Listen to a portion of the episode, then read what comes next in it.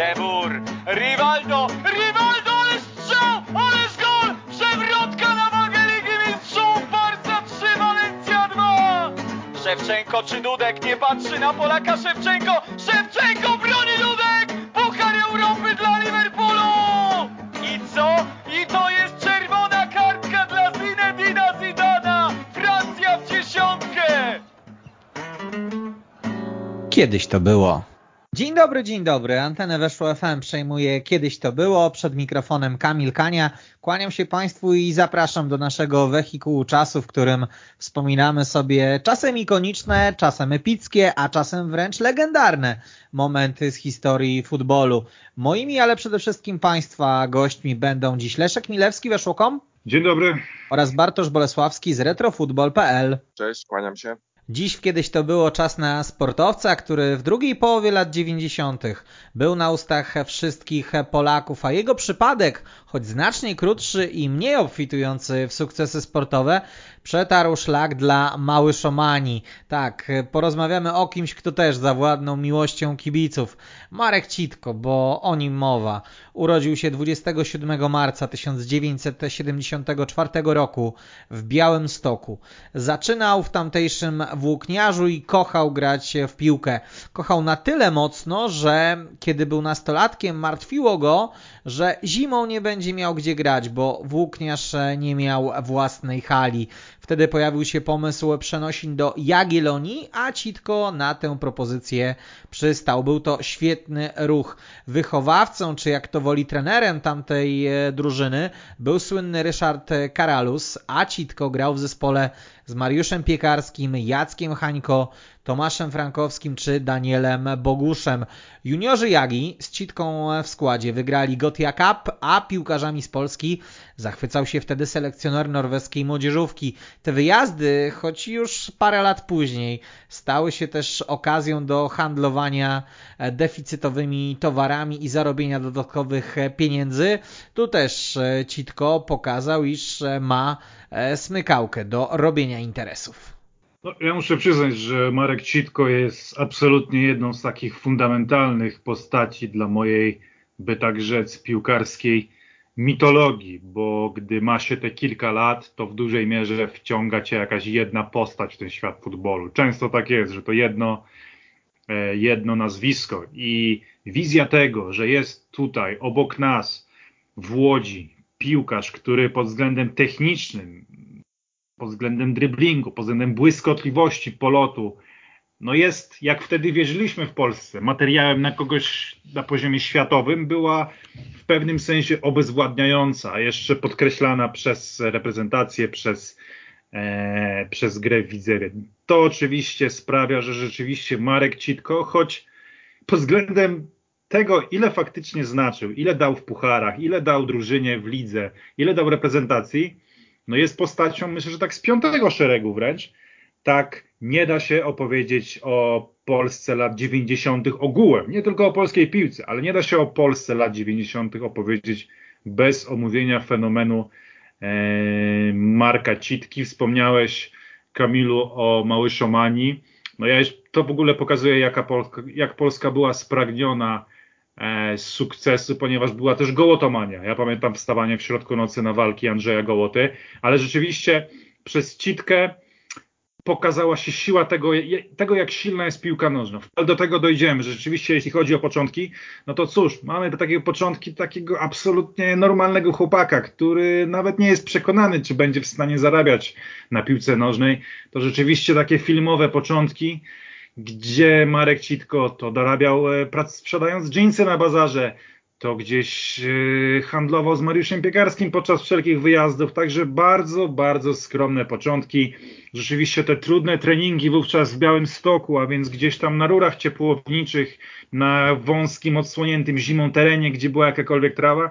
No ale rzeczywiście kluczową postacią w całym tym rozwoju jest Ryszard Karalus. Dla mnie ostatecznie został wybrany trenerem wszechczasów Jagiellonii Michał Probierz za to, że po prostu za jego czasy w Jagiellonia odniosła pierwsze sukcesy, ale dla mnie z całym szacunkiem dla trenera Probierza, trenerem wszechczasów w Jagiellonii jest Ryszard Karalus, człowiek, który pracuje tam od zawsze, człowiek, który wychował niezliczone talenty, które tak naprawdę umieściły Jagiellonię na mapie. I wszystko to, co później osiągnął e, Michał Probierz, nie byłoby możliwe, gdyby nie to, co robił e, Ryszard Karalus i jego talenty, bo Ryszard Karalus miał wspaniałe podejście do tych chłopaków.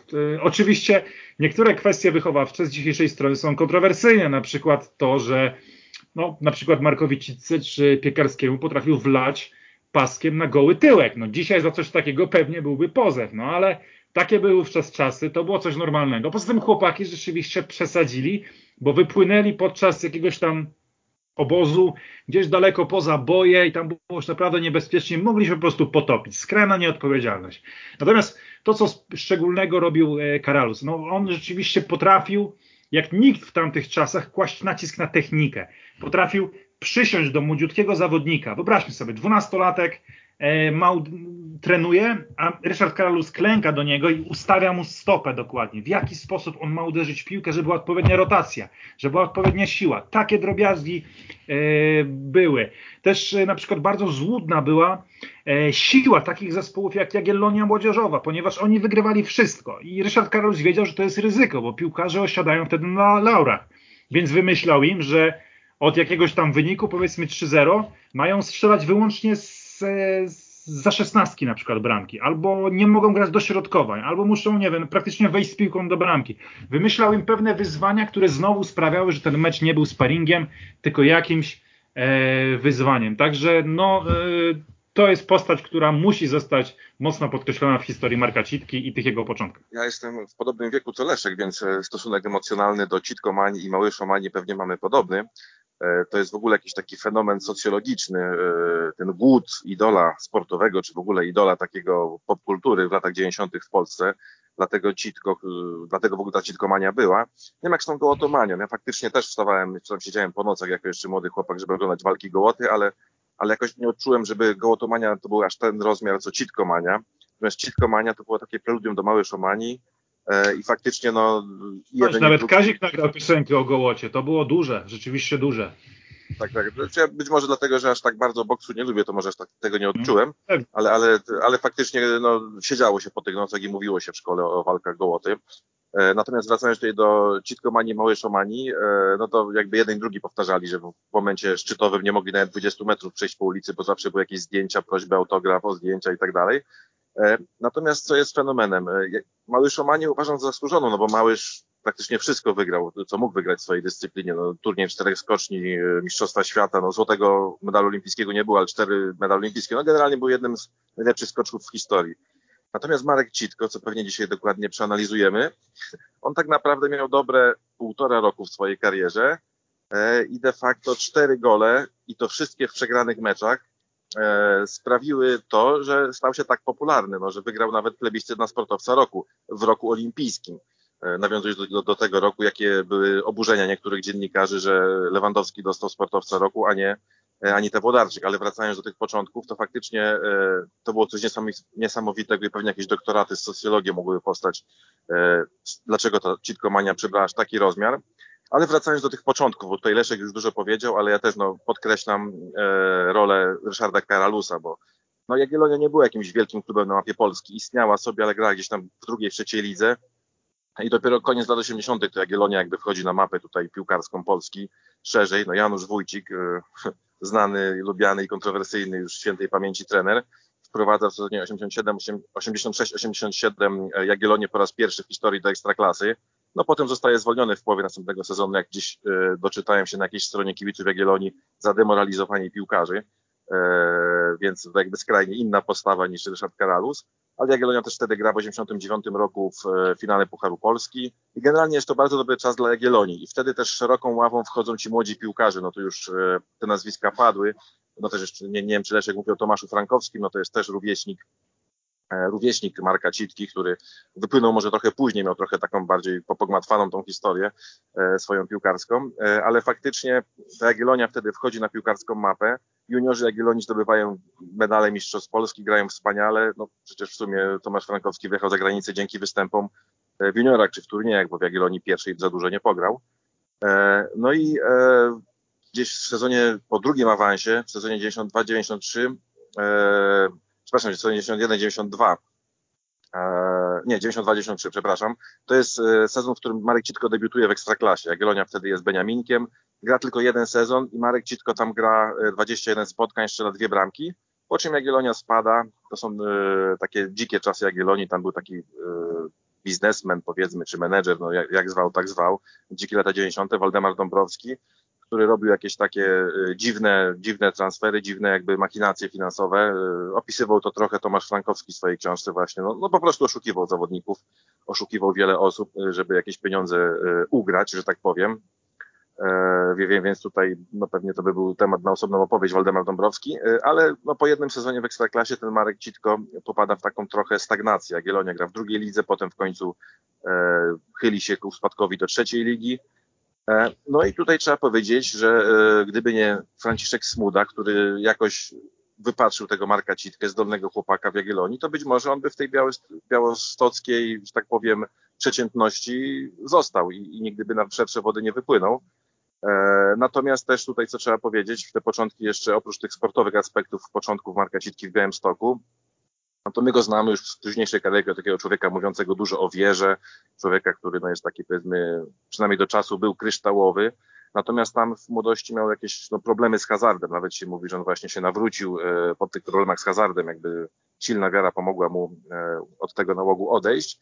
I też, to też jest w książce Tomasza Frankowskiego, podkreśla się jego zdolności e, przedsiębiorcze, że podczas tych różnych wyjazdów, czy to jeszcze z juniorami, e, Jagiellonii, czy, czy, czy z prezentacjami młodzieżowymi, czy, czy właśnie już seniorami, on zawsze potrafi, wiedział, gdzie kupić jeansy, gdzie sprzedać, y, co schodzi, co nie schodzi. Także tutaj no, y, ta przedsiębiorczość i taka kreatywność na boisku, to są takie dwie cechy, które, które jakby charakteryzują początki Marka Citki. Natomiast pewnie za chwilę będziemy przechodzić do tego okresu widzewskiego, no to tutaj podkreślę na początek, że no, postać Franciszka Smudy była bardzo ważna dla niego, bo no, teraz pewnie każdy by powiedział, że, że, że widział talent w e, Marku Citce, ale jestem ciekawy, czy też inni trenerzy jeszcze wtedy z tej drużyny już dołu tabeli drugiej ligi e, interesowali się jeszcze Marką, Markiem Citką, oprócz Franciszka Smudy, który go ściągnął w 1995 roku e, do, no, do, do Widzewa. Jeszcze tutaj chciałem dodać, bo rzeczywiście no, to są tak naprawdę najważniejsze lata Marka Citki. Jagiellonia, widzę w te lata 90., bo tu rzeczywiście Bartek fajnie opowiedział i myślę, że jeszcze warto dodać, ten sezon w Jagiellonii w Ekstraklasie. Marek Citko ewidentnie nie był, to jest ciekawe, z jednej strony mówimy go jako przykład takiego definicyjnego meteora, który wjeżdża na samym talencie. Pojawia się w Widzewie, błyszczy i po prostu robi niesamowity show. A przecież właśnie to, co powiedział Bartek. Marek już wcześniej był w, w Ekstraklasie i wtedy wcale nie błysnął. On nie grał za dobrze. On powiedział, że jak Araszkiewicz mu zabrał piłkę, to on nie wiedział, w jakim on jest świecie, że, że ta piłka może być tak szybka, tak, e, tak trudna. On naprawdę wtedy miał momenty zwątpienia. Tu, co się też e, warto podkreślić, że Marek Citko, przedstawiony jako gość, który po prostu dostał ten talent od Boga i, i to wszystko, raz, że po tym zderzeniu ze ścianą, jakim była gra w Ekstraklasie, w beznadziejnej Jagiellonii w spadkowym sezonie, później wziął się za siebie bardzo mocno postawił na bardzo mocny profesjonalizm, jeśli chodzi o żywienie, jeśli chodzi o dbanie o własne ciało. Takich rzeczy wówczas się nie robiło i rzeczywiście oprócz tego, że miał tą technikę, na przykład potrafił się znakomicie zastawić. Był niezwykle silny w, tym, w tej zastawce swojej. Nie, to bardzo różni piłkarze podkreślali, że bardzo ciężko było mu zabrać piłkę, również dzięki temu, że miał bardzo, miał bardzo dużo siły w sobie. E, więc to też warto jest tutaj na pewno podkreślić. Te problemy hazardowe faktycznie są ciekawe. On tam grał na automatach, ale też co ciekawe, był mistrzem bilardu. Chyba nawet pojechał na jakieś Mistrzostwa Polski bilardowe, więc jest tutaj wiele ciekawych ścieżek na początku Marka Citki, takich inspirujących, trochę wykraczających poza te stereotypy, które krążą o Citce. Bartek wspomniał o tym, że niewielu dostrzegało ten talent. No Marka Citkę testowano w Stomilu Olsztyn, ale nie było pieniędzy na ten transfer. Wtedy pojawił się Widzew Łódź we wrześniu 1995 roku. Rozegrał pierwszy mecz w barwach Łodzian pomógł wywalczyć Mistrzostwo Polski, które było przepustką do eliminacji Ligi Mistrzów. Bramki Marka Citki z Brandby w eliminacjach, ale także z Atletico Madryt przez Borussią Dortmund już w fazie grupowej Champions League sprawiły, że nazwisko piłkarza znali wszyscy. No tak, tutaj nawet nie wiadomo od czego zacząć, ponieważ te tak naprawdę dwa lata w Widzewie mogły być spokojnie osobną książką. No, Citko przychodził, natomiast no jednak nie postrzegano go w żaden sposób jako kogoś, kto może odnieść aż taki sukces. Pamiętajmy, że wówczas ten przepływ informacji nie był aż tak duży, a tu nagle okazało się, że Widzew znalazł perełkę, która za chwilę była gwiazdą reprezentacji Polski. Także to był niesamowity awans. Przecież Szcitko wchodził do drużyny, która była najlepsza w Polsce, która potrafiła nie przegrać meczu przez cały sezon w lidze, która wysyłała praktycznie całą swoją drużynę do reprezentacji Polski, cały pierwszy skład. Nawet kłóciło się swego czasu Franz Smuda z selekcjonerem Antonim Piechniczkiem i była wtedy wojna między Widzewem a reprezentacją Polski, bo Widzew nie chciał udostępnić swoich piłkarzy na jakiś mniej ważny sparring, więc aż tak to była wtedy e, wielka drużyna, a Citko przychodzący z Białego Stoku wchodzi i po prostu nadaje tam niesamowity tom. Oczywiście, rzeczywiście e, taka niezwykła jest ta, no, no, ten przełomowy moment, ten jego krótki, jak to się dzisiaj mówi, pik, ten szczyt, tak, czyli bramki wicemistrzów przeciwko Atletico, przeciwko Borussii, e, bramka przeciwko Anglikom, ale też bramka przeciwko Brazylii. To wszystko zdarzyło się w bardzo krótkim czasie. Co więcej, ja oglądałem oczywiście wszystkie mecze w Lidze Mistrzów, nawet po latach sobie odświeżałem ten widzę w Lidze Mistrzów no i Citko naprawdę grał, e, grał niezwykły futbol, niezwykle też egoistyczny. Wiele było sytuacji, kiedy powinien podać, kiedy jego decyzja o strzale mogła uchodzić za troszeczkę efekciarską.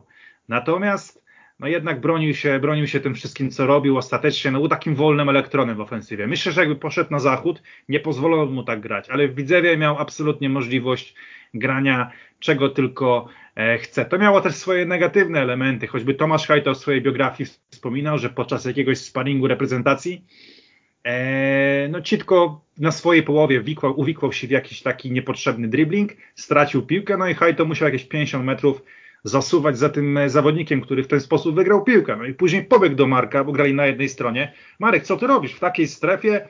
Taka kiwka niebezpieczna, po co? I Marek powiedział, a wiesz, bo właśnie ćwiczę e, nowy dribbling, więc no, to takie podejście właśnie citkie. Natomiast to też był sparring, więc kiedy miał testować, e, jak nie podczas sparingu. E, mecze rzeczywiście Widzewie, w Lidze Mistrzów, no tam się mówiło z każdym meczem o coraz mocniejszych nazwach. Jak ktokolwiek sobie od, odwinie te mecze, to Jacek Laskowski, który zżył się jakby z tymi spotkaniami jako ich komentator i też się trochę na nich wypromował, no, co mecz to mówi o nowych markach. PSW, ale też e, Intermediolan, ale też e, kluby angielskie dużo lepsze marki niż, niż Blackburn. Także prawdziwy, prawdziwy e, szał i na przykład e, mało się mówi o występie Marka Citki przeciwko Włochom, bo tam w Neapolu dostaliśmy dosyć mocny oklep, nie było czego zbierać, ale nawet tam, z tamtego meczu jest wybrana kompilacja na YouTubie, chyba do obejrzenia, gdzie Citko rzeczywiście cały czas gra swój mecz, mimo tego 0-3 i potrafi się pokazać ze znakomitej strony. Miał niesamowitą wtedy pewność siebie. Robił na tym boisku za każdym razem, gdy tylko miał piłkę, to nie bał się. Szedł na jednego, szedł na dwóch, szedł na trzech i często wygrywał. Także nawet jak temu piłkarzowi nie wychodziło, to, to to się po prostu przyjemnie oglądało. Miał też trochę szczęścia, no bo z jednej strony ten gol z Borussią Dortmund, no to był rykoszet. To, to w ogóle nie powinno wpaść. E, czy uderzenie z Anglikami było takie znakomite? No nie było za dobre tak naprawdę. Miał to trochę farta. Ale z drugiej strony były też umiejętności, bo Andrzej Michalczuk wprost mi mówił, że to przelobowanie Moliny to było zaplanowane i Citko mówi, że wiedział, że Molina tak wychodzi i jeszcze przed meczem powiedział, słuchaj Andrzej, ja spróbuję go przelobować. To mi mówił Michalczuk, więc naprawdę duża klasa. Najsłynniejsza bodaj bramka Marka Citki, naprawdę niezwykła, taka, która zdarza się raz na ileś meczów. Tak naprawdę Citko wszystko to przewidział i dokładnie to chciał w tym spotkaniu zrobić. No o tym, jaki był wówczas szał w, w Łodzi na tego zawodnika w całej Polsce pewnie będzie za chwilę jeszcze okazja powiedzieć. Teraz oddam głos Bartkowi. E, no tak, ja tutaj nawiążę jeszcze do, do tej bramki najsłynniejszej chyba Marka Citki, czyli ten lob e, prawie z połowy boiska w meczu z Atletico Madryt. E, no też tak trochę charakteryzuje Marka, bo on w jednym wywiadzie już po karierze mówił, że no oczywiście tu się w pełni zgadzam z Leszkiem i to też potwierdzał Marek Citko, że on wiedział o tym, znaczy wiedzieli w ogóle w Widzewie, że Molina lubi tak grać, wysoko wychodzić e, i że Citko go spróbuje przelobować i on to tłumaczy, no, no była kontra, on tam dostał podanie od bramkarza, jakby wychodzili z kontrą, szli chyba trzech na trzech. Mówi, no nie miałem komu podać, e, więc ułożyłem sobie piłkę i strzeliłem. Natomiast e, obejrzałem tę sytuację na YouTubie i tam mógł podać. Znaczy na prawym skrzydle już nie pamiętam, kto wychodził. Mógł podać, Dębiński tam uciekał. To była właśnie tak, typowe tak. Marek Citko. Bez sensu tak. był ten strzał, bo Dębiński miałby wolne pole. Tak, tak, właśnie się dlatego śmiałem, bo czytałem wywiad Marka tam chyba z 2018 roku, gdzie mówi, no rozejrzałem się, nie było komu podać na skrzydło, więc strzeliłem. No a patrzę na sytuację, no przecież cały pusty plat, dobre podanie do Demińskiego, on tam wychodzi sam na sam, ale dobrze, no strzelił, udało się, więc, więc tutaj chwała Markowi za to. Ale ja jeszcze jakby, to jest ten okres najlepszy Marka Citki, więc e, szczegółowo może to przeanalizuję. No oczywiście zaczął w 95 roku, w sezonie 95-96 zaczął grać w Widzewie. No jak patrzę w liczby na 90 minut, no to jest 27 występów i 5 bramek, całkiem przyzwoite. No tutaj też kwestia, na jakiej pozycji grał Marek Citko, no bo on sam się śmiał, że był takim wolnym elektronem, czasami go charakteryzowano jako napastnik, ale on raczej napastnikiem nigdy nie był, trochę takim pomocnikiem, czy, czy na boku, czy na skrzydle. No trzeba wprost powiedzieć, że on raczej niezbyt e, się e, dostosowywał do ram taktycznych. To jest też przyczyna, jak się go pytano, czy myślał w ogóle o trenerce po karierze, no to nigdy w ogóle ani przez myśl nie przyszło, żeby trenować. To też świadczy o tym, że trenerami muszą zostać jednak e, piłkarze, którzy o tej taktyce dużo myślą, a Marek Kwitko nigdy o niej nie myślał. To po prostu był, no taka czysta miłość do piłki. On po prostu brał piłkę i robił z nią to, co chciał. E, dlatego też nie był trenerem. E, też ciężko powiedzieć, jaką miał pozycję, ale tak, ten pierwszy sezon przyzwoity, natomiast tam nawet po tym sezonie 10-56 jak pamiętam, może już niedobrze pamiętam, ale raczej nie był jakąś pierwszoplanową postacią Widzewa. Oczywiście był zawodnikiem pierwszego składu, mówiło się, że zdolny chłopak, no ale tam Dębiński e, czy Majak, to były takie nazwiska, które, które tutaj jakby no, były pierwszoplanowe, e, czy Ryszard Czerwiec, które były pierwszoplanowe w tym Widzewie. I właściwie ta kampania właśnie Ligi Mistrzów, no to to jest coś e, no, niesamowitego. Tak jak mówię, to jest fenomen socjologiczny, bo, bo to są trzy gole, właściwie każdy w przegranym meczu, które jakby czynią z niego jakiegoś idola popkultury. No, bo tak, mamy to słynne y, dwumecz z Brądby, gdzie y, zresztą w ogóle pięknie o tym pisze jeszcze e, Tomasz Łapiński, on taki tekst napisał teraz do szóstej, szóstego tomu Kopalni Sztuki Futbolu i ten mecz z Brądby, gdzie przystanie 0-0, e, wynik, który jeszcze wówczas dawał awans Widzewowi, Marek Citko był sam na sam i zamiast po prostu strzelić bramkę, on chciał lobować bramkarza Duńczyków i podał mu piłkę do koszyczka, jak to się mówi. Tomasz Łapiński pisze, że mało go tam szlag nie trafił, że to jest taki ważny mecz, e, że trzeba po prostu strzelić gola i pilnować potem wyniku. No a mówi, że Duńczycy tak się wkurzyli, że strzeli trzy bramki. No ale potem Citko w drugiej połowie strzelił na 1 do 3, potem już ten słynny Turku kończ pan mecz i e, no i wiadomo jak to się skończyło. Natomiast no to jest pierwszy gol, de facto no przegranym meczu, choć zwycięskiej porażce, tak można to e, nazwać, tak oksymoronem. Potem mamy Ligę Mistrzów, też gol w sumie szczęśliwy, tak jak Leszek powiedział, po rykoszecie. E, z Borusią, no i pamiętajmy, że wszyscy się zachwycamy tym golem z Atletico, no ale widzę wtedy dostał 1-4 u siebie, no, no jakby tutaj nie ale było z Borusią był naprawdę znakomity mecz, wiesz, i to jest to, że z Atletico były gigantyczne problemy kadrowe, a z Borussią, która później zdobyła przecież, wygrała całą Ligę Mistrzów. E, Borussia u siebie biła piłkę pod koniec po autach, e, grając na czas, żeby dowieść zwycięstwo i Kicker napisał, że Widzew jest czarnym koniem całych rozgrywek. Już, już ci się nie wtrącam. Tak, nie, znaczy potwierdzam. E, tak mówię, no, oglądałem te mecze, już może trochę słabo pamiętam, bo parę lat minęło, ale Widzew grał dobrze. Ten pierwszy gol dla Borussii to był jakiś taki chyba doszatni przypadek, że chyba tam obrońca podbił piłkę i przez to... Na... Widzew naprawdę tam wyszedł i tak, tak grał w piłkę świetnie, że bardzo miło się to patrzy, można włączyć w każdej chwili. Tak, 2-0 było potem ten gol Citki, no i, no i napór Widzewa. No z Atletico faktycznie już było gorzej, no ale my tam pamiętam, że potem było tak, że no wszyscy mówili, dobra, tu mieliśmy pecha, ale teraz dwa razy wygrywamy ze Stiełą e, i wracamy do gry. No akurat ten e, trzeci mecz e, w Bukareszcie był bardzo pechowy, bo tam też było na remis z lekkim wskazaniem na, na Widzewa, a jakiś w ogóle kuriozalny samobój sprawił, że przegraliśmy 1-0 i straciliśmy szansę na awans. Ale dobrze. Ja jeszcze wrócę do tych początków Marka Citki w Widzewie bo też Tomasz Opiński bardzo fajnie o tym pisze, no, że oni już mieli, no, byli, mieli bardzo mocną ekipę, walczyli o mistrza, no i przyjeżdża jakiś młody człowiek, no, z drugiej ligi tak naprawdę, no bo tak jak mówiłem, grał wtedy Jagiellonia gra w drugiej lidze, i zamiast tutaj wejść, dzień dobry, jestem Marek, chciałbym z wami pograć, to nagle zaczyna się wozić na treningu, yy, zakładać siatki, jakieś driblingi, yy, no Tomasz Łapiński jako kapitan, już trochę starszy zawodnik, no też grając do jego stoku, to trochę się denerwował, no ale co gorsza, Marek Citka robił też na meczach i mówił, że strasznie ich denerwowało to, że czasami musieli pięć razy więcej biegać, żeby, tak jak ten wspomniany Tomasz Haj, to żeby e, złapać piłkę, którą stracił Marek Citko nieodpowiedzialnym driblingiem. E, ale tak, no bardzo w niego wierzył i stawiał na niego e, Franek Smuda e, i mówił, że to jest nasz kreator gry i trzeba, trzeba mu zaufać. No i faktycznie ten Marek Citko pięć razy stracił piłkę, ale szóstym razem zrobił taką akcję, że wszystkim kopary opadły i strzelił bramkę albo asystował, więc ostatecznie i koledzy z drużyny, tak jak właśnie Tomasz Łapiński, no zaufali mu, że to jednak jest zawodnik, który, który, powinien, który powinien mieć tę swobodę i, i nawet tak jak Mar Tomasz Łapiński powiedział, że nawet się te pięć razy wrócę i przebiegnę ten kilometr więcej w czasie meczu, no żeby ten Marek po prostu grał to, co, to, co umie najlepiej. E, ale wracając do tej kampanii w Lidze Mistrzów, no ona już po pierwszej rundzie była przegrana, bo widzę miał zero punktów, więc jakby te rewanże były tylko o honor, bo wtedy trzecie miejsce nic nie dawało jeszcze. Natomiast no, rozpoczęła się citkomania, a citkomania była jeszcze w miarę umiarkowana, a jakby już do granic takiej jakby możliwości doprowadził ten gol e, na Wembley słynny też w przegranym meczu. No tutaj o jego przygodzie reprezentacyjnej pewnie zaraz powiemy jeszcze, ale to też jest niesamowite, że w przegranym meczu, w przegranych eliminacjach, yy, gdzie właściwie no, byliśmy daleko za Anglią i Włochami, a jeszcze raz podkreślę to, że Citko potem yy, tutaj dodam, wygrał plebiscyt sportowca roku. Dodam tylko, że to nie był ten słynny e, organizowany przez przegląd sportowy, tylko to był taki równoległy wtedy przez chyba e, piłkę nożną, Super Express i, telewizję polską. E, chyba taki jakby równoległy do tego sportowca roku przeglądu sportowego i tam Marek Citko wygrał.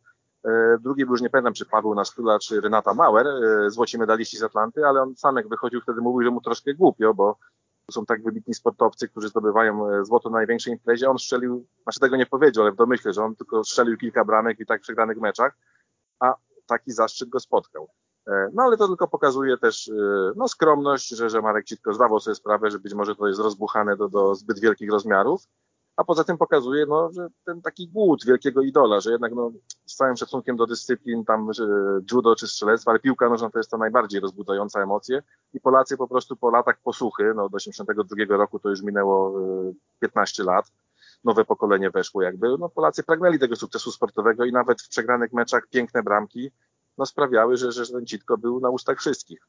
No tak, tu ciekawa jest w ogóle osobowość Marka Citki, która troszeczkę się wyłania. Czy to z jednej strony z tej, e, z tej gali sportowca roku, czy z drugiej strony ze wspominek piłkarzy. No bo mamy zawodnika, który faktycznie wchodzi do tego widzewa bez kompleksów, e, ale też takiego troszeczkę wtedy się mówiło no, odklejonego. Tam szatnia zawsze jest trochę taka nastawiona na, e, na szyderkę.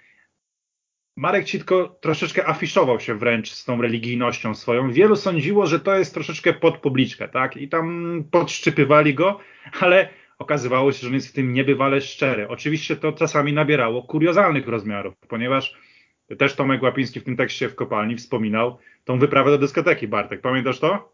Tak, tak, to jest bardzo ciekawa anegdotka, więc opowiedz ją.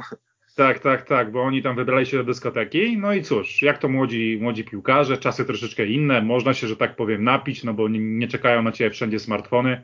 Oczywiście wokół Marka Citki cały wianuszek kobiet, no bo młody sportowiec, sukces i tak dalej. I Marek Citko, jednej z dziewczyn, zapytał, czy ona powie e, ojcze nasz, tak? To było w ten sposób? Bartek? Tak, tak, no, tak, tak. On ojcze nasz. Powiedział, czy ona wypowie w tym momencie ojcze nasz. Ona była całkowicie zszokowana. Środek dyskoteki, drinki, wszystko, a Marek Citko pytają, czy ona może powiedzieć ojcze nasz. Natomiast to było szczere u Marka Citki. To było naprawdę szczere. To było dziwne, ale było szczere zarazem. Także był taki w tym wszystkim ujmujący. Był dziwny, ale był ujmujący. Na tej gali sportowej z roku on sam mówił, że był taki przepraszam, że żyje. I to widać. To też nie jest poza. To nie jest tak, że on był tak naprawdę przekonany, że powinien wygrać, a tutaj pozował. Nie. To widać po każdym kadrze, że on jest praktycznie zażenowany tym, że odbiera i sam podkreślał w każdym materiale już wtedy, że wygrał dla najpopularniejszego sportowca, a nie dla najlepszego, bo najlepszy po prostu nie był. Także z jednej strony odklejona troszeczkę osobowość, z drugiej strony trzeźwe spojrzenie. I tak między tymi dwoma kwestiami bardzo się cały czas ta osobowość gdzieś, e, gdzieś kręciła. Citkomania wystartowała, ale poza trafieniami z Ligi Mistrzów duże znaczenie miał także gol na Wembley.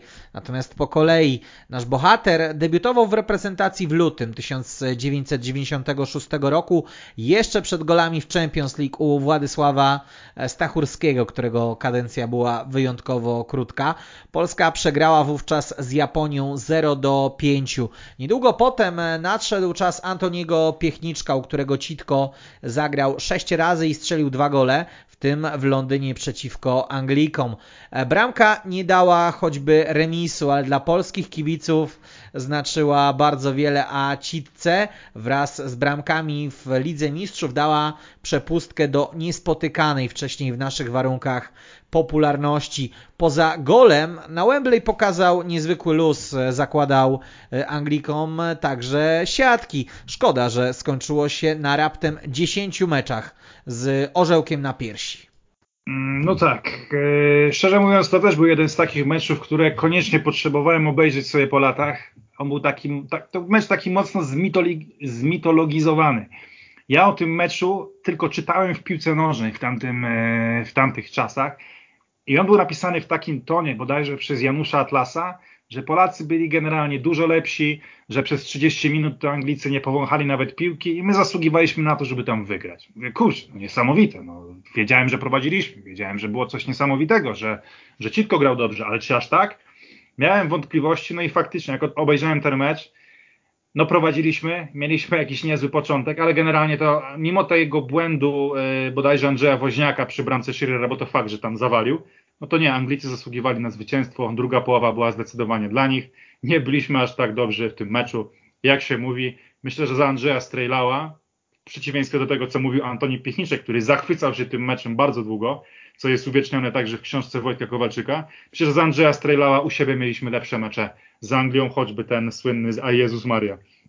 Natomiast Citko faktycznie, Citko poza bramką, która jak mówię, nie wiem czy tam w ogóle ta piłka nie zeszła, on, on chyba zawsze wymijająco odpowiada na to pytanie, to jeszcze założył siatkę Gascoinowi. Gascoigne tam w ogóle mu pogratulował po tym meczu, że kurczę, chłopak dobrze gra, także to też był taki mecz, który budował pozycję Marka Citki, bo on absolutnie wychodził na wychodził właśnie na Włochów, wychodził na Anglików i niczego się nie bał i zawsze to, to prezentował. No jego popularność wówczas Trudno to sobie wyobrazić. Faktycznie można to porównać z Małyszem i tutaj jest jakby lepsza analogia, no bo Gołota był głównie w Stanach. On tego nie odczuwał i Polacy tego tak nie odczuwali. A Marek Citko faktycznie nie mógł wtedy przejść e, przez Łódź, żeby nie zostać zaczepionym. Był prawdziwym takim pierwszym być może sportowym celebrytą Polski w takim rozumieniu, no bo Gołota pewnie by był, gdyby mieszkał w Warszawie, no ale nie mieszkał. Więc rzeczywiście ruch się zatrzymywał w Łodzi, gdy Citko szedł, gdy Marek Citko, w ogóle wierny kinoman, wielki kinoman, e, chciał iść do kina, no to wchodził gdzieś w ostatniej chwili, jakoś krył się pod przyciemnionymi okularami. E, popularność miała dziwne swoje odcienie, bo też raz okradli mu mieszkanie. Natomiast Citko jakoś specjalnie tego faktu nie przeżywa. On mówi, że i tak tam niewiele miał, to było kawalerskie mieszkanie, nic specjalnego tam nie było. E, także rzeczywiście, no później to też zaczęło być e, coraz dziwniejsze, gdy no, pojawił się na przykład rzecznik prasowy.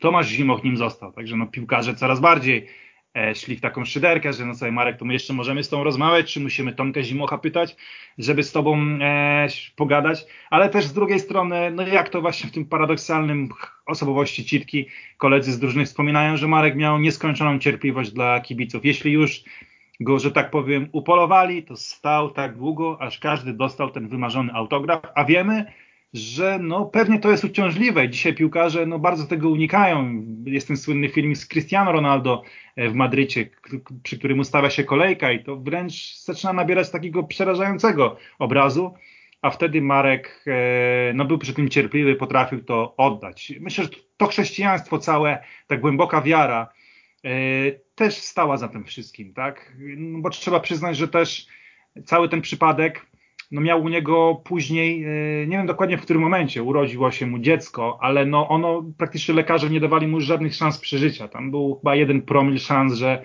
przeżyje, tak mówili sami lekarze. Natomiast głęboka modlitwa, głęboka wiara, no i Marek Citko jest przekonany, że w jego osobistym życiu zdarzył się cud, że jego dziecko przeżyło, jest zdrowe i normalnie funkcjonuje, bo wtedy to był tak naprawdę nikt już to nie wierzył poza nimi. I też z tej perspektywy należy rozumieć chyba osobowość Marka Citki.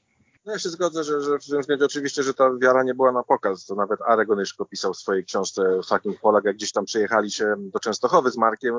Też oczywiście był wielki problem, żeby się przejść e, ulicą e, Częstochowy, bo oczywiście co chwila ktoś podchodził, prosił zdjęcie, autograf, czy nawet może panie, dużo pan zarabiasz, to pożycz coś. E, no ale Marek generalnie pojechał tam na Jasną Górę złożyć świadectwo wiary, więc e, i to ja się jakby o tym dowiedziałem z tej książki, nie, nie było to jakoś nagłośnione, być może mi to umknęło, ale, ale to też e, jakby w tym swoim okresie największej sławy, pojechanie na Jasną Górę i złożenie świadectwa wiary, to też nie była jakaś zagrywka marketingowa czy PR-owa, jakbyśmy dzisiaj powiedzieli ze strony Marka, tylko on naprawdę po prostu to czuł.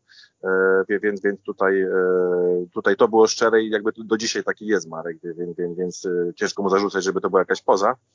E, jeszcze jedną anegdotkę przytoczę z tego tekstu Tomasza Łapińskiego z kopalni, bo on jest naprawdę dobry. On nie jest długi, ale, ale naprawdę dobry, bo tutaj Leszek wspomniał o tym, że Marek Cityk był kinomanem i kiedyś właśnie e, Tomek Łapiński, który jest kinomanem razy 10 i w ogóle miłośnikiem filmu i dobrej literatury, e, zabrał właśnie kolegów z Widzewa, Marka Citkę i Daniela Bogusza, Bogusza na Underground Emila Kosturicy, czyli film taki naprawdę no, ambitny. Tutaj trzeba jakby zaimponować kolegom, że no, wy się trochę interesujecie kinem, to ja wam pokażę coś naprawdę dobrego. No i oglądają wszyscy w skupieniu, a to Marek Citko nagle to było po treningu, coś go tam noga bolała czy stopa, więc sobie ściągnął buta, położył jakby nogę na kolanie i zaczął tam masować sobie stopę. No i Tomek Łapiński był oburzony, że no jak to, no tutaj taki poważny film, ludzie yy, oglądają skupienia, no, wyciągasz yy, śmierdzącą nogę z buta i się bawisz stopą, no o co chodzi? Mówi, jak to śmierdzącą? Byłem wykąpany, nie śmierdziało, poza tym średni film, nie? I Tomek Łapiński był taki obłożony, no że jak to, Underground, Koszturicy, to arcydzieła, tutaj y, Citko mówi, że, e, że taki średni film. No to też pokazuje właśnie fajnie takie, to, że trochę w takim właśnie jakby swoim świecie żył Marek Citko. E, też podkreśla i Tomasz Łapiński, wielu innych, że on właściwie w ogóle nie czuł presji. E, czy to miał grać na Wembley, czy miał grać w Lidze Mistrzów z Widzewem, on po prostu wychodził tak jakby wychodził sobie na, nie wiem, jakiś podwórkowy mecz, dzielnica na dzielnicę, czy blok na blok, po prostu bawił się tą piłką, więc to też był, była tajemnica jego sukcesu. Że ten brak presji, że on się po prostu cieszył tą piłką. Trener mówił jakieś taktyce, a, a Citko, no dobra, taktyka taktyką, obrońcy mają bronić, ktoś tam ma dośrodkować rzutu wolnego czy różnego, a ja sobie będę grał. E, natomiast przechodząc do tej właśnie tutaj jeszcze reprezentacyjnej przygody, no zdecydowanie za mało. No tutaj oczywiście ten mecz z Anglią, no to kapitalny. Kapitalny w wykonaniu Marka Citki. To też taki jeden z niewielu meczów, gdzie mamy jednego yy, zdecydowanego bohatera in plus, czyli Marka Citkę, no i bohatera in minus, czyli czy antybohatera, czyli Andrzeja Woźniaka, który po tym kiepskim występie stracił miejsce też w FC Portu i generalnie jakoś ta kariera trochę mu się, mu się e, stoczyła, e, bramkarska. E, natomiast tutaj zgadzam się, że ten mecz wcale nie był jakiś dobry. No, Anglicy dostali gonga szybko, szybko się otrząsnęli, strzeli dwa gole i w drugiej połowie tam już Polacy za bardzo nic nie mogli zdziałać. No, przypomnę tylko, że miesiąc później był mecz katastrofalny z Mołdawią w eliminacjach, który no co prawda wygraliśmy w Katowicach 2 do 1, ale graliśmy bardzo słabo. Ta Mołdawia mogła spokojnie nam punkty urwać. I potem jeszcze kuriozalny wywiad Antoniego Piechniczka z Jackiem Laskowskim, gdzie e, pamiętam, że Jacek Laskowski zapytał się trenera, czy ten, to zwycięstwo to jest krok w przód po takiej grze, a, a Antoni Piechniczek zupełnie moim zdaniem w nieuprawniony sposób, e, znaczy bez żadnych argumentów zjechał dziennikarza, że on jest bezczelny. Jak można mówić o, że, czy zwycięstwo można nazwać inaczej niż krokiem w przód, więc, więc to też pokazuje atmosferę tej reprezentacji i tego, że ta polska piłka jednak była wtedy w kiepskim momencie. Tym bardziej ten gol nie jakiś znowu fenomenalny, ale no ta, ten mit Jana Domarskiego i Wembley 73, że wreszcie po 23 latach ktoś strzelił na Wembley, mimo że przegraliśmy, to dlatego ten Citko tak, tak, tak był hołubiony. Natomiast jeszcze pociągnę ten wątek e, przygody reprezentacyjnej. No tutaj poza tym no te mecze e, po Mołdawii to były jakieś towarzyskie z Cyprem, Łotwą. Tutaj się zatrzymam na chwilę przy meczu z Brazylią, bo to był bardzo ciekawy mecz, towarzyski, 26 lutego 97 Swoją drogą to tak trochę też dziwne, że, że mieliśmy przez e, no, w perspektywie dwa mecze eliminacji Mistrzostw e, Świata z Włochami, a jedziemy do Brazylii na jakiś mecz z Brazylią, no w sumie tak, Nike stało wtedy. Byliśmy sponsorami, e, nas sponsorował Nike i, i Brazylia i chyba to przez to wtedy graliśmy. W latach 90. graliśmy chyba w ogóle ze 4 czy 5 meczów z Brazylią. To było jakieś nierealne. Tak, właśnie, znaczy oczywiście wiadomo, że to były jakieś zobowiązania pewnie tam e, biznesowe, ale tak szkoleniowo pewnie ten wyjazd nie był e, potrzebny, chociaż Brazylia tam zagrała w bardzo silnym składzie. To, to był bardzo ciekawy mecz, bo Brazylijczycy tam robili z Polakami co chcieli. Dwa gole strzelił Ronaldo, Ronaldo Nazario, teraz trzeba dodawać, żeby było jasne, o którego Ronaldo chodzi.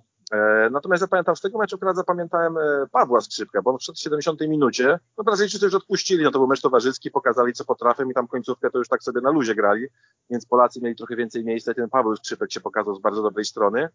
E, tam bramkę strzelił Cezary Kucharski. W ostatniej minucie był karny dla Polski. No i Citko, z racji tego, że to był ten taki pik Małyszo, Małyszomani, Citko Mani oczywiście, e, to dali mu tego karnego strzelić i on tego karnego nie strzelił, dobił. Znaczy no jakby strzelił z dobitki, więc też to takie była bramka trochę na siłę, ale strzelił. E, no i jeśli chodzi o reprezentację, potem były jeszcze te dwa mecze, o których powiedział Leszek, których z Włochami u siebie i w Neapolu które jakby raz, że pogrzebały nasze szanse na Mundial w 1998 roku, dwa, że no, pokazały jednak przepaść y, mimo wszystko między Polską a, a Włochami wtedy, a trzy, że mimo wszystkie, mimo tej całej przepaści Sitko wypadł bardzo dobrze. Y, ten ostatni mecz w Neapolu to był 30 kwietnia 97, no jakieś dwa, trzy tygodnie przed, no przed wydarzeniem, które zmieniło nie tylko karierę piłkarską, ale chyba całe życie Marka Citki, czyli tej czyli kontuzji Achillesa bardzo poważnej.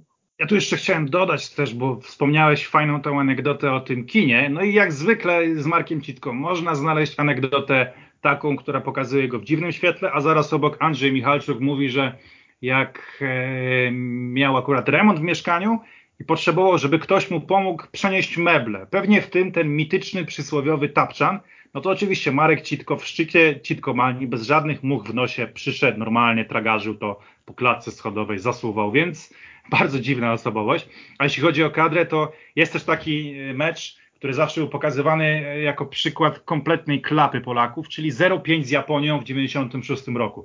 Raz, że wtedy Japonię jeszcze patrzyliśmy mocno z góry, że to było jeszcze przed trochę taką rewolucją w Japonii, gdzie oni sprowadzali mnóstwo Brazylijczyków, gdzie ta J-League trochę stanowiła e, taką odskocznię, gdzie nawet reprezentacji Brazylii potrafili powoływać e, z Japonii i tak patrzyliśmy na nich z góry, a tutaj 5-0.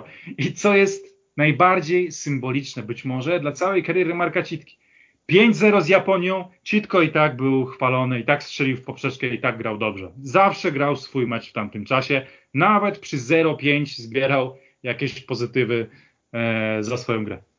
Po Marka Citkę zgłosiło się Blackburn Rovers, wówczas czołowy angielski klub, ale zawodnik odmówił i transfer opiewający na 4 miliony funtów nie doszedł do skutku. Niedługo potem okazało się, że był to ogromny błąd, no ale kto mógł przewidzieć, że w maju 1997 roku w meczu z Górnikiem Zabrze Citko dozna kontuzji. Uraz ścięgna Achillesa wykluczył go z gry na ponad rok i zabrał mu szansę na testy w Liverpoolu, na które miał lecieć kilkanaście dni po feralnym spotkaniu.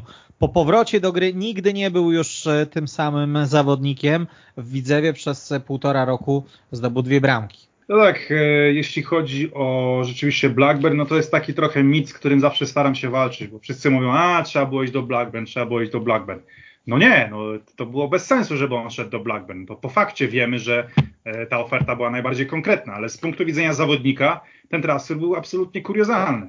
Rzeczywiście interesowało się Markiem Citką mnóstwo zespołów, które grały do przodu, które grały piłką, które grały ofensywnie.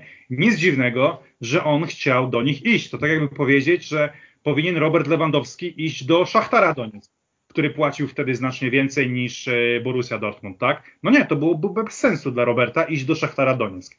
To był mniej więcej tego rodzaju transfer. E, Marek Citko miał właśnie propozycję z Liverpoolu, miał z Ligi Włoskiej, bodajże Inter Mediolan Muratti był zachwycony jego grą. Było oczywiste, że on wolał poczekać te pół roku i wtedy e, przebierać w ofertach. Także absolutnie e, on nawet pojechał rzeczywiście na te testy, obejrzał willę, zagrał z tymi zawodnikami, przewoził ich tam jak chciał. Natomiast Blackburn pod względem stylu gry nie pasowało do Citki. Gdzie on miał się tam pokazać, gdy to była drużyna grająca długą piłką, która głównie się broniła, no zupełnie przeciwieństwo Widzewa, który odważnie atakował za smudy. Także dzisiaj chwalimy zawodników, którzy analizują, do jakiej drużyny trafiają, sprawdzają, czy ten styl gry im będzie pasował. No a mówimy o tym Marku Citce, po prostu nie, nie pasował do Blackburn, a za a mógł przebierać wtedy w ofertach. Więc rzeczywiście Grajewski chciał wepchnąć Citkę do Blackburn, dlatego że Blackburn dawało najwięcej, Inter pewnie by nie dał tyle, Liverpool nie dałby tyle, a Blackburn płaciło więcej, bo było po prostu słabszym klubem. Tak samo jak więcej dawał Szachtar niż Borussia Dortmund też chciałem o tym powiedzieć, Leszek mnie trochę uprzedził. Oczywiście my postrzegamy ten brak transferu do Blackburn z perspektywy czasu, że szkoda, że tam nie poszedł, bo gdyby tam poszedł, to by nie złapał tej kontuzji i no, no generalnie by nie zmarnował kariery, mówiąc tak, tak wprost. Natomiast y, on sam po latach, przyznaje Marek tylko, że on tam wcale nie chciał iść. Y, no, Blackburn tak trochę postrzegamy, bo w 1995 roku nieoczekiwanie zdobyli Mistrzostwa Anglii, grali Widzę Mistrzów, no to był taki no jeszcze typowo siermiężny angielski futbol, no tacy angielscy fiziole, że tak powiem, fizyczni zawodnicy, dośrodkowanie i walka o główkę, e, fizycznie jakby stłamszenie przeciwnika, no gdzie tam Marek Citko do takiego klubu, no, e, poza tym Blackburn tam e, jakby robiąc transfery na mistrza Anglii się trochę zadłużyło, potem były problemy finansowe, oni w tym sezonie co miał iść Citko spadli z Premier League, więc, więc jakby z perspektywy takiej czysto sportowej dobrze, że tam nie poszedł, no oczywiście, tak jak Leszek wspomniał, domawiał do tego go Andrzej Grajewski, no bo Andrzej Grajewski po prostu chciał zgarnąć e, pieniądze za ten transfer. Natomiast ja też pamiętam, jak wtedy jako młody chłopak wszyscy liczyli, żeby tylko nie odszedł z Widzewa. No, pamiętaliśmy te piękne boje Widzewa w Lidze Mistrzów, No niestety przegrane, ale piękne. I tylko liczyliśmy, kurczę, jest zima, została runda wiosenna, niech ten Widzew zdobędzie Mistrzostwo Polski, no bo wtedy, nie, znaczy Leszek to i tak wiem, że jest w ogóle kibicem Widzewa, ale ja z perspektywy Podkarpacia to było tak, że tylko Warszawa kibicowała Legia, wszyscy byli za Widzewem, przynajmniej u mnie. E, więc bardzo temu Widzewowi kibicowaliśmy, żeby on zdobył Mistrzostwo Polski. I jeszcze raz wszedł do Ligi Mistrzów i tym razem nie tylko grał pięknie, ale też wygrywał i wszedł do fazy pucharowej. No i wydawało się oczywiste, że żeby było łatwiej to zrealizować, musi być Marek Citko. E, więc wszyscy liczyli, żeby on do tego Blackburn nie szedł i każdy myślał logicznie, tak jak Marek Citko, no że spokojnie, ja sobie jeszcze pogram pół roku w Widzewie, e, potem mogę jeszcze pograć eliminację Ligi Mistrzów, może Ligę Mistrzów, się zgłosi dużo lepszy klub. No i tutaj Marek już był umówiony chyba na, dokładnie na 30 maja na wizytę w Liverpoolu i testy w Liverpoolu, no na który oczywiście nie pojechał, bo wtedy już leczył e, zerwanego Achillesa. E, jeszcze a propos tych propozycji transferowych, no bo tam się wiele klubów pojawiało, ale chyba też dość, dość konkretna była oferta Interu Mediolan, ale tu też taki, no, Marek Citko ma wiele twarzy, jest e, bardzo religijny, ale jest też bardzo taki, nie chcę powiedzieć chytry, ale powiedzmy przedsiębiorczy. I tam było coś takiego, że chyba Inter oferował Widzewowi 10 milionów chyba wtedy jeszcze dolarów czy euro, już nie pamiętam w tej chwili, w każdym razie 10 milionów, a Citce oferował 1 milion za rok gry. No i on tak mówi, kurczę, to klubowi dają 10, a mi tylko milion, to może by dali klubowi 5, a mi 5. No to jakby dla nich wyjdzie na to samo, a dla mnie będzie korzystniej. No ale na to nie poszedł Widzew. No bo oczywiście Andrzej Grajewski wolał dostać 10 milionów niż 5. E, więc to też takie tutaj smaczki, jeśli chodzi o te transfery. E, natomiast zgadzam się z Leszkiem, z punktu widzenia takiego na ten czas, wówczas, no bo to jest chyba anachronizm, czy, czy myślenie anachroniczne, tak to się ładnie nazywa, że patrzymy na decyzje ludzi w konkretnym momencie z perspektywy lat.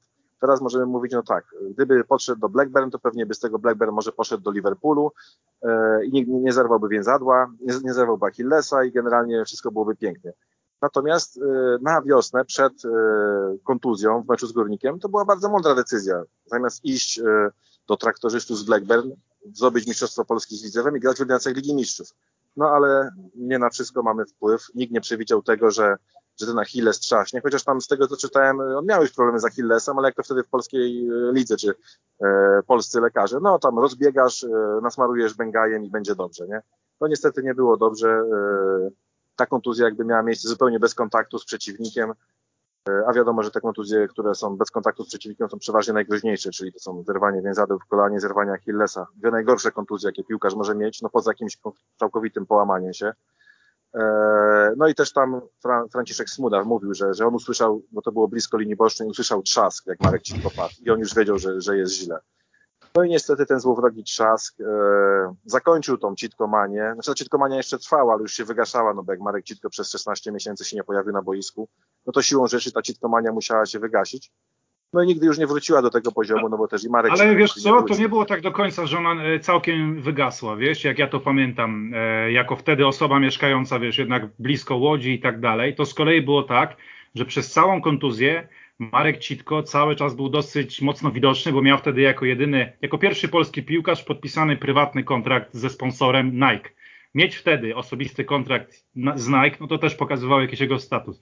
Citko miał swój cykl felietonów w hat-tricku, taką stronę swoją, gdzie więc pojawiał się wówczas w jednym z bardziej prestiżowych magazynów, takich naprawdę z dużym budżetem, ze swoją stroną. Też piłkarz z własnym felietonem, tak, no to było wtedy atrakcja, że możesz się o czegoś dowiedzieć, choć on nie gra, tak?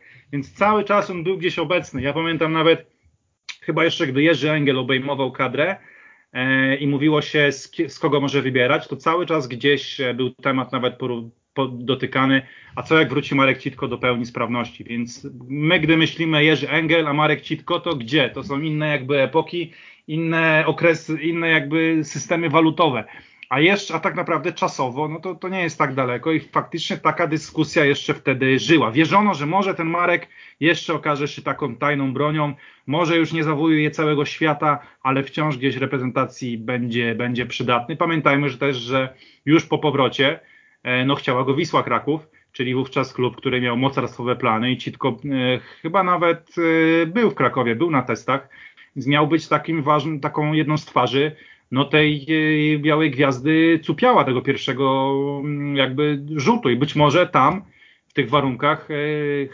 mógłby lepiej wypaść niż, e, niż w Legii Warszawa, tylko nie chciał się zgodzić na pięcioletni kontrakt. Tak, jeśli mogę dodać, oczywiście ta Citkomania nie wygaszła tak. od razu po kontuzji, wygaszała się jakby z czasem.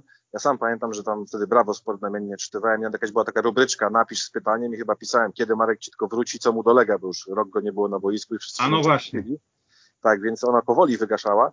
E, to też a propos tego Widzewa jeszcze tylko dopowiem, że znalazłem taką wypowiedź Marka, że on tam nie chciał iść, e, że on po prostu kochał Widzew i, i chciał grać w Widzewie i z nim osiągać sukcesy, czym sobie trochę zaprzeczył, idąc chwilę później do Legii, e, no ale tak się na ten temat wypowiadał. No też trzeba dodać, że... Myślę, że, że bardziej z tym kontraktem jednak jest prawdopodobne, tak mówiąc szczerze. Tak, tak, no też trzeba dodać, że, że wtedy Franciszek Smuda był w Wiśle, więc to jakby też y, działało na korzyść tego, żeby pójść do Wisły, no a ten kontrakt zadecydował, czy jakby nie niedogadanie się w kwestii kontraktu, że jednak w tym Widzewie jeszcze został. Tak, y, to była akurat znamienna rzecz dla Wisły Kraków. Bogusława Cupiała długoletnie kontrakty, czasem pięcioletnie, czasem nawet siedmioletnie, naprawdę długie. To, to byli piłkarze Białej Gwiazdy po latach e, wspominali. Natomiast Franciszek Smuda chciał odbudować e, Citkę, ściągnął go do Warszawy, gdzie e, pracował w Legii. No i to było całkiem solidne półtora roku. Oczywiście to nie był Citko z Widzewa sprzed kontuzji, ale był to Citko lepszy niż w Widzewie zaraz po urazie i lepszy od tego, który no już właściwie swoją karierę dogrywał w XXI wieku. No, szczerze mówiąc, toczyło się to takim do pewnego momentu dosyć e, racjonalnym kierunkiem, czyli Marek potrzebował trochę czasu, żeby wrócić, owszem, ale był taki moment faktycznie, bodajże w 2000 roku, kiedy on strzelił cztery bramki w rundzie, kiedy wyglądał coraz lepiej, także no, to miało ręce i nogi. Natomiast no, bodajże no, nie mógł się odnaleźć u Dragomira Okuki. Wiadomo, jaki jest e, Dragomir Okuka, jakim jest szkoleniowcem, że no jednak żyłował zawodników i tylko jak, jak to się śmiali jego byli piłkarze, tylko ze złamaną nogą. No, nawet jak ktoś miał złamaną nogę, no to tylko wtedy ewentualnie puszczał, że nie musisz trenować. A tak to wszystkie urazy, wszystkie jakieś takie drobne rzeczy absolutnie Okuka dyskredytował. Jak ktoś ciągle zgłaszał jakieś tego typu kwestie, no to był po prostu e, niszczony. I no, również te obciążenia Dragomira Okuki, wrzucanie wszystkich do jednego worka, to było morderstwo dla powracającego na boiska Marka Citki, to po prostu absolutnie e, po prostu go zabiło w tamtym momencie na polskich boiskach. Myślę, że gdyby nie to, oczywiście metody Okuki się sprawdziły wtedy w Legii, więc nie można powiedzieć nic złego na jego warsztat, tak? Natomiast gdyby Marek Citko trafił pod skrzydła trenera e, na dłuższ, dłuższym okresie, który rzeczywiście na niego stawiał, który by rozumiał tą szczególną sytuację i szczególne możliwości, to mogło być inaczej. Z drugiej strony są też głosy, nie wiem czy Bartek im poprawi, czy to nie Tomek Łapiński pisał, że jednak widać było po Marce tą obawę, że wcześniej wszystkie umiejętności, które posiadał, były jednak e, jakby mm, zawsze grasz ostatecznie głową. I co z tego, że masz technikę, co z tego, że masz polot, błyskotliwość, strzał, dribbling, ostatecznie to ta odwaga, którą wcześniej miał, sprawiała, że te umiejętności robiły takie wrażenie. A on po kontuzji cofał nogę. I to już nie było to. To już nie było to samo. No tak, no ja oczywiście potwierdzam to, co, to, co mówi Leszek i przy okazji mi się przypomniała jeszcze anegdotka z tego, z tego tekstu Tomasza Łapińskiego dla kopalni. Ktoś nas posądzi, że mamy jakąś tutaj płatną promocję, ale nie. Ten tekst jest po prostu dobry i go, jak cała kopalnia zresztą. E, także polecam. E, no bo oczywiście ten transfer do Legii Warszawa to z jednej strony było to, że no Franciszek Smuda tam był, on w niego wierzył, chciał go odbudować, ale też e, Marek Citko zaliczył bardzo przyzwoitą rundę jesienną sezonu 99-2000 w Widzewie Łódź. Widzę Łódź wtedy grał w eliminacji Ligi Mistrzów, bo przypominamy ten słynny nóż w głowie Dino Badzie, Wisła Kraków wykluczona, więc wicemistrz Polski Widzew grał Ligę Mistrzów. Tam oczywiście przegrał dość, dość no, z Kretesem, z Fiorentiną, ale, ale oczywiście Citko w tych meczach grał. E, wtedy on tworzył taki fajny duet z młodym Arturem Wichniarkiem wtedy pamiętam, że takie było wrażenie, że no Citko wreszcie wraca do swoich możliwości. E, e, natomiast no, no, i faktycznie jeszcze dwa lata na niezłym poziomie pograł, dopóki Smuda był w Legii. Natomiast ja nawiążę jeszcze do tego, co Leszek mówił o tym Baniusie. Tu jest też bardzo fajna anegdotka Tomasza Łapińskiego. On pisze o odprawie. Widzew grał, kiedy odpadł już z eliminacji Ligi Mistrzów, grał jeszcze w Pucharze UEFA i grał z AS Monaco. No, z AS Monaco, gdzie był, e, znaczy Auriego już nie było, ale był Julie na przykład, no, no, bardzo dobrą drużyną. No i odprawa Jorez Lęczyk mówi coś takiego. E, słuchajcie, jeśli strzelimy na 1-0, to musimy wtedy, i wtedy wkracza, jakby wcina się w zdanie Marek Citko, trenerze, a może ich nie wkurwiać? Przepraszam za przekleństwo, ale to na prawach cytatu, więc, więc mam nadzieję, że słuchacze wybaczą. E, I jakby to takie z pozoru błahe zdarzenie Tomasz Łapiński interpretuje, że Marek Citko sprzed kontuzji by w życiu tak nie powiedział. Strzeliliśmy na 1-0, to strzelmy na 2-0, a tu widać, że już się trochę bał. E, I on jakby też e, pisał w tym tekście, że, że Marek Citko po tej kontuzji, nawet jak wrócił i grał dobrze, to kulał. I to kulał nie tyle może fizycznie, bo ta noga była w miarę wyleczona, tylko kulał już tak psychicznie. On już wolniej biegał, e, wolniej startował, nie wybijał się może tak wysoko do góry. No ten uraz psychiczny pozostał, więc jakby tutaj potwierdzam, że, że faktycznie on już mentalnie nie był tak silny, nie miał takiej odwagi, takiej, takiej no, ułańskiej fantazji jak przed kontuzją. Natomiast potwierdzam, że zanim do tej Legii poszedł, y, to ta runda w Widzewie była naprawdę dobra i tutaj to nie było tylko na zasadzie, że no Smuda przygarnie swojego dawnego podopiecznego, ale ten transfer, wiązano z nim duże nadzieje w Warszawie. Y, było przyzwoicie, pewnie nie aż tak dobrze, jak y, jakby chcieli kibice Legii, ale do pewnego czasu było bardzo przyzwoicie. Natomiast jak przyszedł do Kuka, no trzeba powiedzieć wprost, Marek ci tylko w tym momencie, żeby mógł coś dać drużynie, musiał być traktowany na specjalnych warunkach nie mógł trenować tak mocno jak pozostali, musiał mieć dużo więcej swobody na boisku.